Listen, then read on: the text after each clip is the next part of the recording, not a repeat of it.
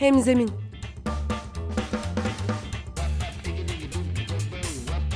Daha iyi bir sosyal fayda iletişimi için fikirler, tartışmalar, örnekler.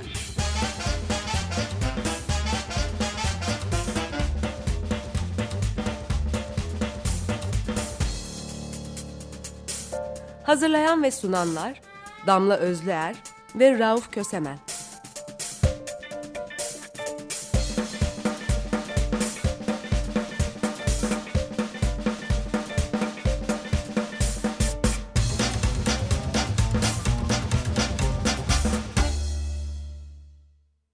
Herkese merhaba. Bugünden itibaren Açık Radyo'da hem zeminde daha iyi bir sosyal fayda iletişimi nasıl olur üzerine konuşacağız ve tartışacağız.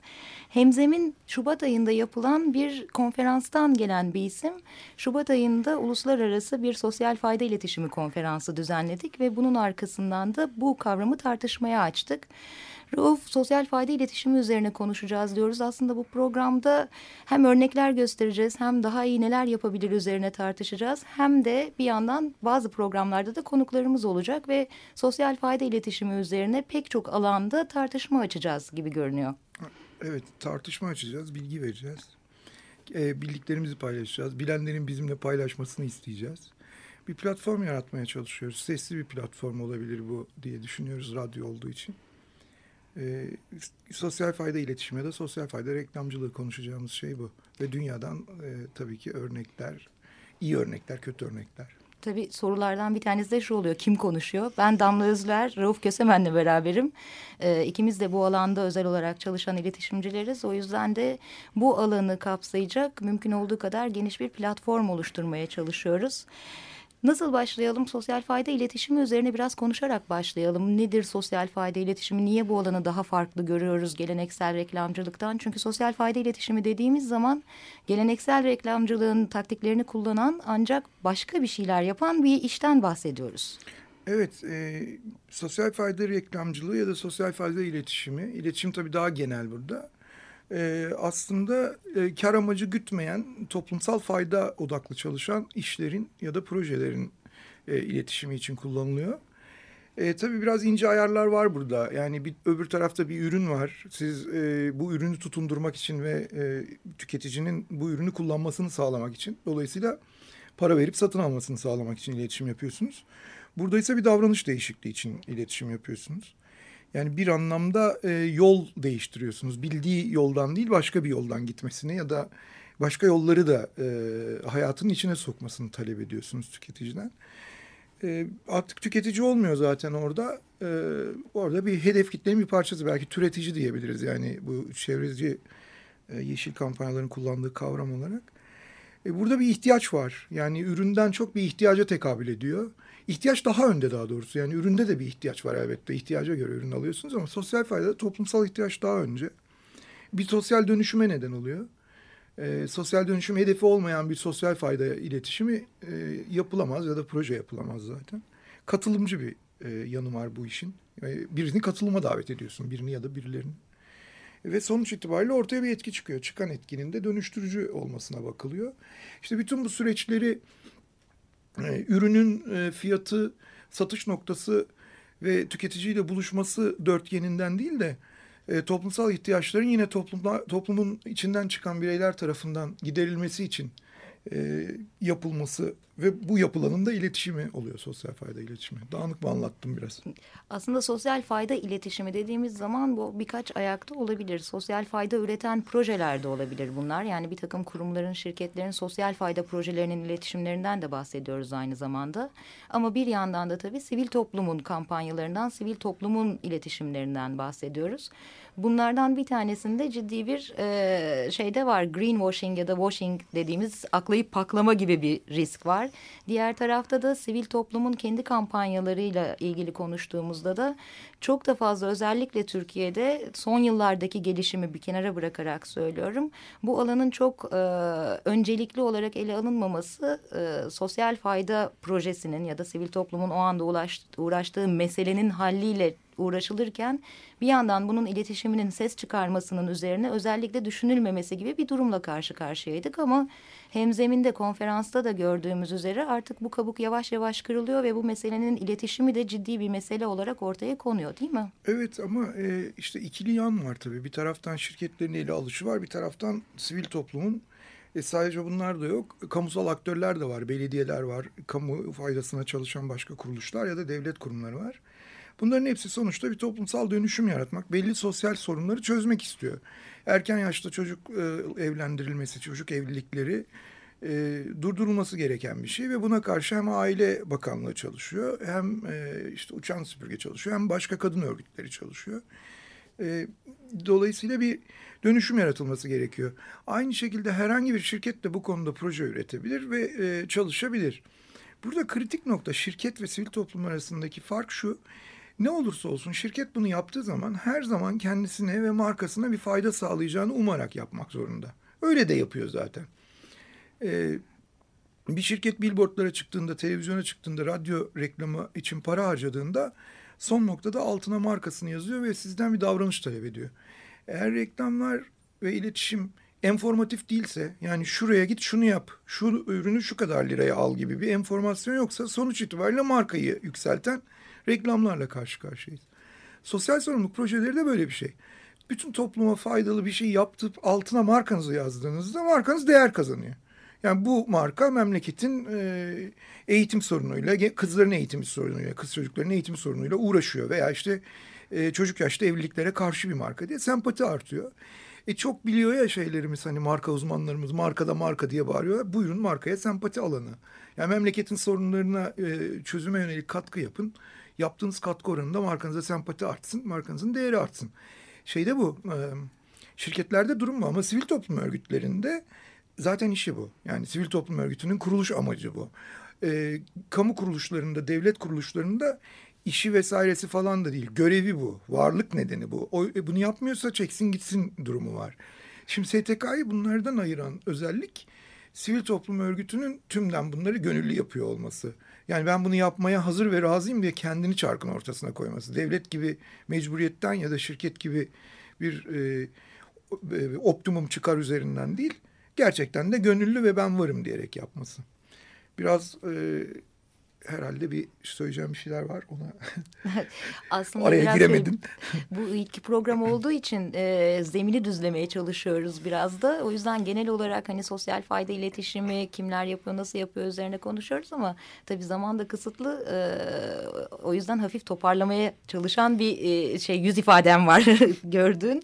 E, bu programda her e, program farklı bir konuyu ele alacağız. Zaten tek tek sivil toplumun reklamı mı olur diye de soracağız. Şeyde e, konuşacağız. Şirketlerin bu alandaki iletişim politikaları üzerine de konuşacağız. Ama genel olarak konuştuğumuz zeminin böyle bir e, zemin üzerinde olduğunun e, belirlenmesini yapıyoruz şu anda. Evet yani popüler dilde sosyal reklam diyorlar buna. Ee, işte so bu kamu spotları gördüğümüz kamu spotları bu e, sosyal reklamların içinde. Firmaların yine topluma yönelik yaptıkları, e, düzenlemeye yönelik yaptıkları kampanyalar onun içinde. Bilirsiniz hani PETA'nın, Greenpeace'in, e, uluslararası WWF gibi uluslararası sivil toplum örgütlerinin kampanyaları vardır. İşte iklim karşıtı, iklim, e, küresel iklim değişikliği karşıtı kampanyalar, türlerin yok olmasına yönelik kampanyalar gibi. E bunların hepsi sosyal fayda iletişiminin alanına giriyorlar. Çünkü sonuç itibariyle e, bunları yaptığımız için dünyayı değiştiriyoruz. Dünyayı kurtarıyoruz, iyiye götürüyoruz e, vesaire. Cebimize bir para girmiyor yani. O yüzden bir sosyal faydadan söz ediyoruz. Ee, Hemzeminde aynı zamanda da güncel başlıkları da konuşuyor olacağız. Ee, yeni çıkan kampanyalar var, ee, farklı ülkelerden farklı örnekler var. Bunların üzerinde de bir iki kelam etmek boynumuzun borcu aynı zamanda. O yüzden o haberlerimize ya da daha doğrusu bu başlıklarımıza geçmeden önce biraz da konuyla ilgili bir şarkı üzerinden gidelim dedik. Ee, ilk program olduğu için e, iletişim dünyasının da aslında e, sosyal fayda iletişimi meselesiyle karşılaşmasını düşünerek Michael Jackson'ın Man in the Mirror diye bir şarkısı var. Dünyayı değiştireceğim ama aynadaki adamdan başlıyorum dedi. İstersen ona bir kulak verelim ondan sonra devam edelim.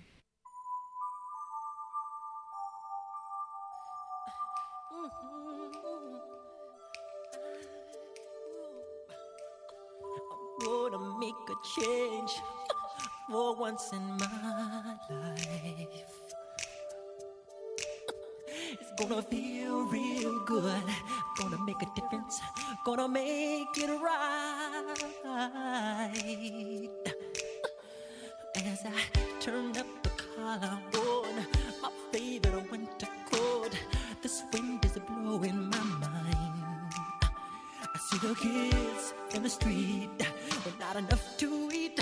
Who am I to be blind, pretending not to see their need? A son's disregard, a broken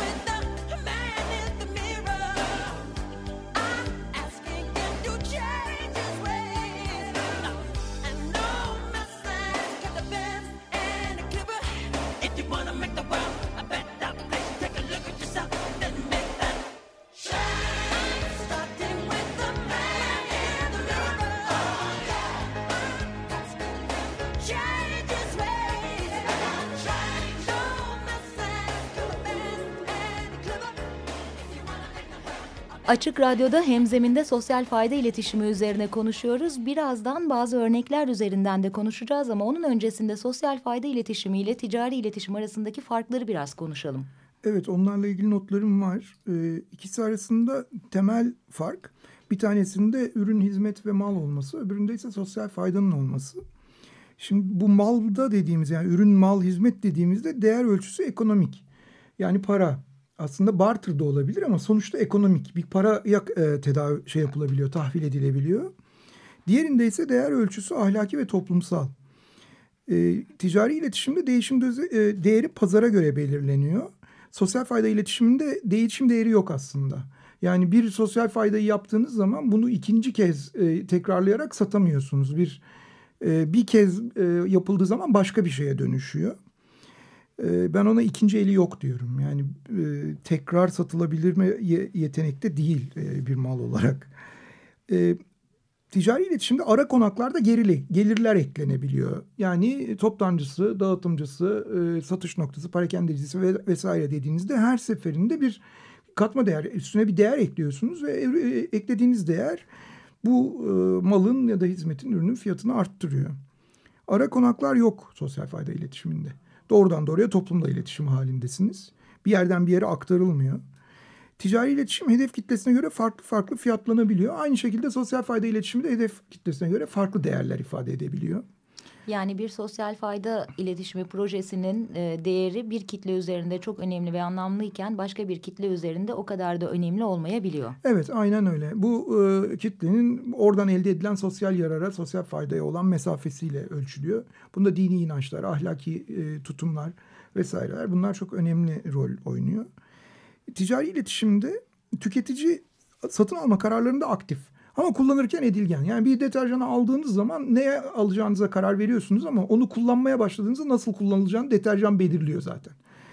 Ee, diğerinde ise sosyal fayda iletişiminde ise artık tüketici demeyelim ona işte destekleyici diyelim örneğin. Ya da türetici. Türetici evet çevreci e, akımların söylediği gibi e, doğa akımlarının söylediği gibi destekleyici ya da türetici hem kararda aktif hem de sürdürmede aktif. Yani bir kez bu e, fayda ile ilişkiye geçtiğinde onu sürdürüp sürdürmemeye de kendisi karar veriyor. Nasıl sürdüreceğine de kendisi karar veriyor.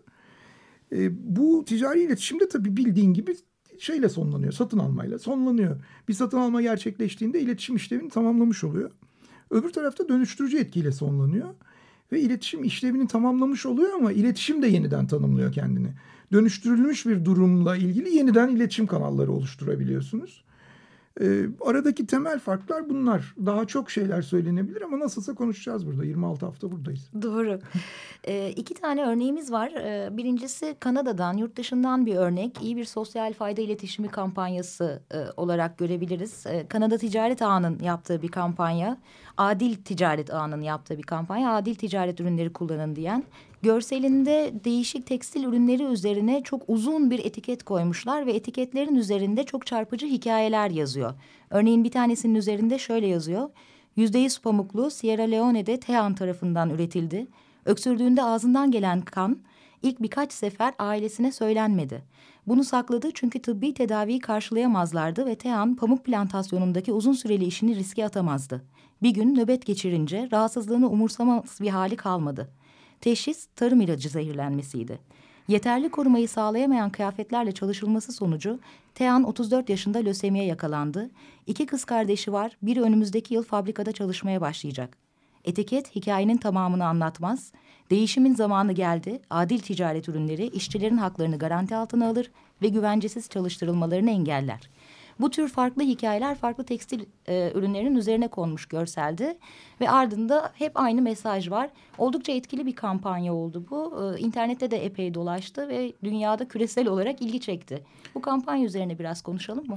Ya bu e, çok ilginç bir şey. Reklamcılığın klasik tekniklerinden biri aslında hikayeyi şeffaflaştırmak.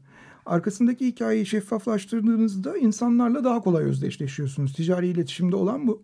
Bu tarafta ise bir dürüstlük kampanyası yapmış oluyorsunuz ve tüketiciye veya bu aday tüketiciye bu ürünlerin bu markalara ait çünkü orada markaları da sembolize eden görüntüler var. Bu markalara ait bu ürünlerin arkasında böyle bir gerçek olduğunu anlatıyorsunuz. Şimdi hadi buyurun bu gerçeği gördükten sonra yeniden bunu e, tüketmeye devam edin diyorsunuz. Bunlar ilanlar aslında. Gerçekten böyle ürünler üretilmiş değil. E, ama böyle ürünler üretilebilir de hatta şöyle söylenebilir. Varsa temiz olduğuna güvenen markalar, arkasındaki hikayenin, şeffaf hikayenin insanları rahatsız etmeyeceğini bilen markalar varsa buyurun hodri meydan bütün etiketlerinizi bu uzunlukta ve bu hikayesiyle beraber paylaşın. Hikayeleriniz temizse etikete taşıyın. Temiz değilse o zaman hikayelerinizi temizleyin. Ben Böyle bir çağrı var. hatırlıyorum? Senin arkadaşlarınla beraber yaptığın buna benzer bir kampanya vardı sanki. Etiketlerin üzerine farklı hikayeler yazılan. evet vardı. Ee, hatta bu kampanya gördüğüm zaman ben oh, biz bunu yapmıştık falan demiştim. Ama 2001'di zaten epey eski bir kampanyaydı. Şimdi biz de şöyle bir şey yapmıştık. Buna benziyor. O da bizimki de bir dürüstlük kampanyası. E, defolu ürünlerin defoların üzerine firketelerle etiketler eklemiştik biz. Bu etiketlerin e, üzerinde de bu defonun nasıl olduğunu e, anlatmıştık ve bunu bir işçinin ağzından yani buna e, neden olan işçinin ağzından anlatmıştık. Şu tür işte ben sabah 6'da kalktım bu kadar yolu şu kadar yolu yürüdüm. Şu kadar saatte şu kadar e, mesai yaptıktan sonra işte elim kolum titriyordu tabii kestim yani şimdi burada bir makas izi var. Siz de bu makas izi sayesinde bu ürünü ucuza alıyorsunuz diyen bir dürüstlük kampanyasıydı gene bizimki. E, bu e, tabii şey e, bir sosyal fayda kampanyası değil buradaki gibi ama yaratıcı yolu e, demin konuştuğumuz e, örneğe çok benziyor elbette. İkinci örneğimiz de bir kamu spotu üzerine. Yine bugünlerde üzerinde çok konuşulan ve tartışılan bir kamu spotundan bahsedeceğiz ama, Ama söylemek önce- istediğin bir şey mi var? Evet evet önce kamu spotları üzerine bir iki şey söylemek lazım. evet onu soracaktım zaten. Kamu spotları sosyal fayda iletişiminin neresinde yer alıyor? E, valla tam ortasında yer alıyorlar. Çünkü kamusal iletişim yapıyorlar. Sosyal fayda dediğimiz hani kamuyu e, halk anlamıyla ele alırsak hani Türkiye'de kamu iki anlamda ele alınır. İki anlamda e, görülür. Biri halk anlamına gelir. Bir tanesi de kamu yönetimi yani devlet yönetimi manasına gelir. E, biz burada gördüğümüz e, kavramdaki kamu spotu aslında devlet eliyle verilmiş spotlar gibi gözüküyor ama geniş manada da bakabiliriz. Bu yüzden bir şöyle nedir diye baktığımızda şunu görüyoruz aslında. Kamu faydasına olan bir takım e, reklamların, iletişimlerin devlet ya da regülasyonu yapan, düzenlemeyi yapan kurum aracılığıyla yayın kuruluşlarına yayınlatılması var bunun arkasında. Yani bir kamu spotu olabilmesi için yayın kuruluşunun bunu gönüllü olarak değil yasal zorunluluk yüzünden yayınlıyor olması lazım. Yayın kuruluşlarının buna belli bir zaman ayırması gerekiyor. Türkiye'de RTÜK e, bunu düzenliyor düzenleyici kurum olarak. Burada da e, toplumsal olarak dönüşüm yaratacağına inandığınız ticari olmayan reklamlarınızı yayınlayabiliyorsunuz. Bunun için başvuruyorsunuz RTÜK'e. E, RTÜK inceliyor, bir kuruldan geçiriyor ve yayınlayabiliyorsunuz. Burada çok sınır yok. Yani her konuda yayınlanabilir. Biz e, hatta bir e, sendikalaşma kampanyası için, sendikal o kampanyası için de kullanmıştık bunu hatırlarsan. Kamu spotu evet. yapma şeyini. E, temel belirleyenleri aynı. Yani sosyal reklam neyse kamu spotu da aslında o. Ama şöyle bir sorun var tabii burada. Bizdeki kamu spotları gerçekten yaratıcılık açısından yerlerde sürünüyor. O yüzden de nedir ya bu mudur sosyal reklam falan dedirtecek şeyler gerçekten. Ama bu üstünde konuşacağımız örnek yaratıcılığını yüksek düzeyde bir Amerikan reklamları serisinden esinlendiği için tırnak içinde söylüyorum yüksek düzeyde esinlenmeye aslında bir tür... E, fazla esinlenmeyi geçelim orayı ama zaten buradaki değil. örnek üzerinde konuşurken örneğin yaratıcılığı ya da teknik olarak e, yaptığı işten ziyade örneğin oturduğu zemin üzerinde bir problem var. Onu konuşuyor olacağız. Son zamanlarda çok fazla paylaşılan ve ilgi gören ilanlardan bir tanesi bu reklamlardan, kamu spotlarından bir tanesi. Üzerinde çok da konuşuluyor. Hazır güncel bir konuyken ele alalım istedik. İş sağlığı ve güvenliği üzerine bir spot. Onu bir dinleyelim aslında. Dinledikten sonra da üzerine konuşalım diyorum. Evet söyleyecek şeyler var. Bu şirkette altı yıldır çalışıyorum. Güvenilir bir firma. Yarın nişanım var. Bu mutlu günümde bütün sevdiklerim yanımda olacak.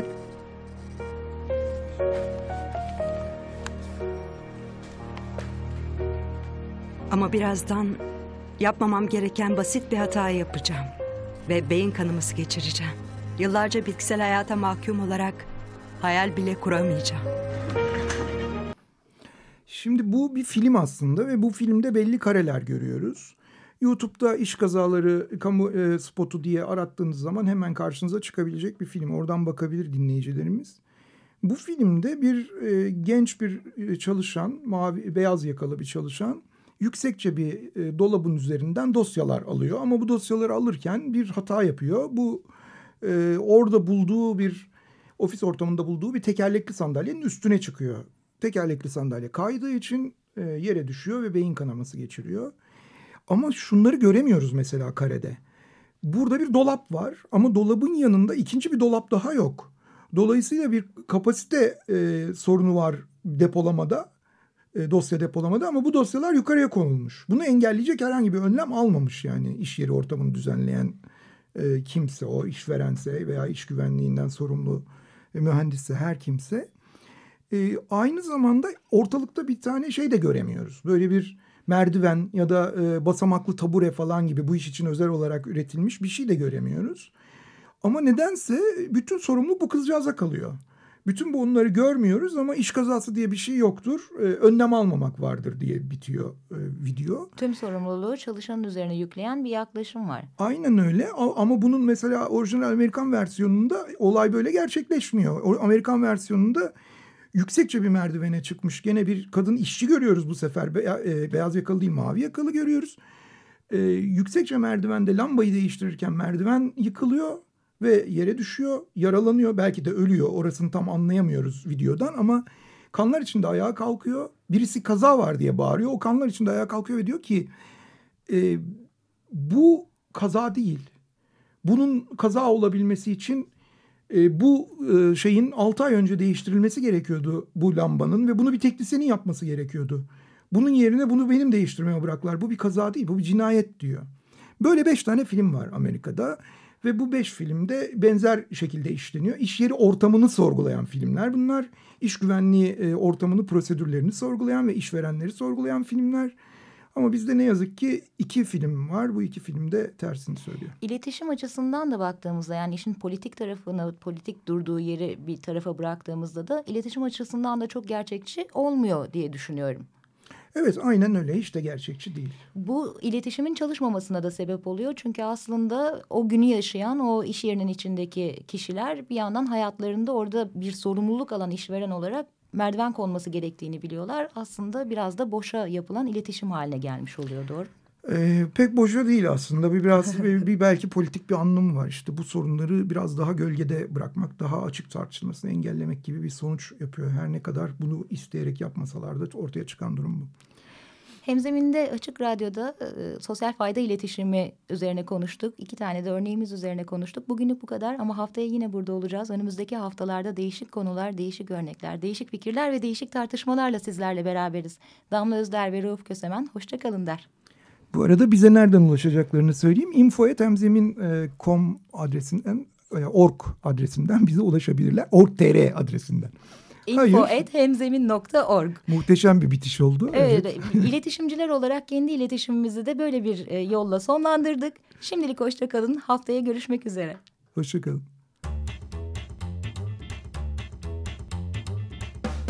Hemzemin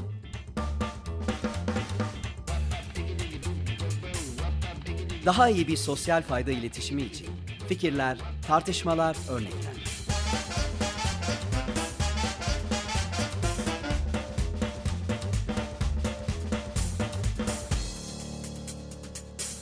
Hazırlayan ve sunanlar Damla Özlüer ve Rauf Kösemen